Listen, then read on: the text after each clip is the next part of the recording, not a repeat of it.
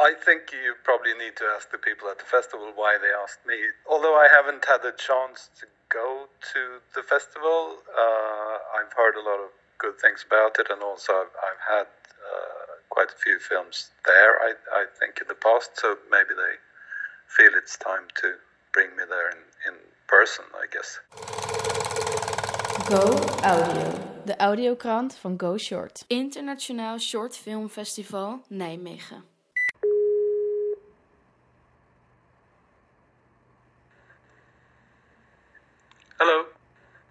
Dit jaar is Jonas Adel de grote gast bij Go Short. Hij is een Zweedse muziek, video en filmmaker en oprichter van Film Technarna. Hij werd geboren in 1962 in Stockholm. Hij specialiseert zich in een mix van animatie en live action en maakte een hele hoop toffe dingen, waaronder de korte film Never Like the First Time.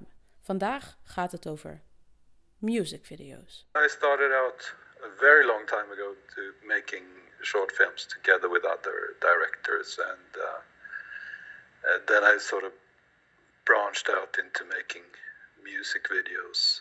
In my mind also and this might have to do with uh, the way I got into music videos, which was quite late. A lot of people start their career making music videos for bands they know, etc.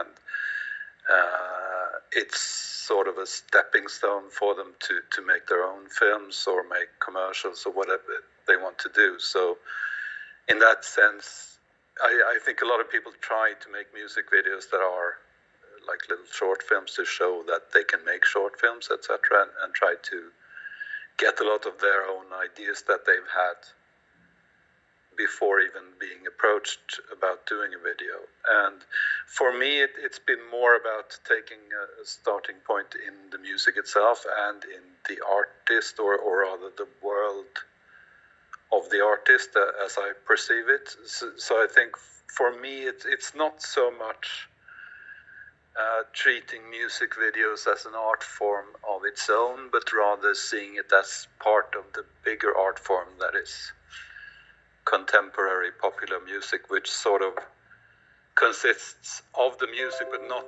only the music. It, it consists of uh, fashion, it consists of the attitude of the artist, and mm-hmm. it consists of the music video. So I, I really think music videos is a part of that, and, and you build, in a way, you help build the world of the artist, and you help uh, you help make the music track a little bit better. I think that's that's what a good video does, at least. Sometimes you work with a track that's really repetitive, and, and you feel like, okay, I have to make the video less repetitive to make it to make the track work even better. Some sometimes it, it might work the other way around, like the, there's a track with lots of stuff going on, and, and the video might help give it a structure.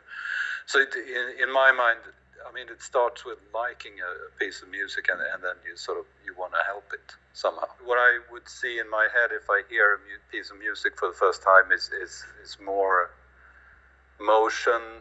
Uh, how how would things move together with this music more than you know a specific story or a specific look and then build, building from that and obviously you have an idea about the world of, of a band what, what does this world consist of what world do they live in visually and, and uh, what's the history of their music etc and that needs to come into play as well when you make a music video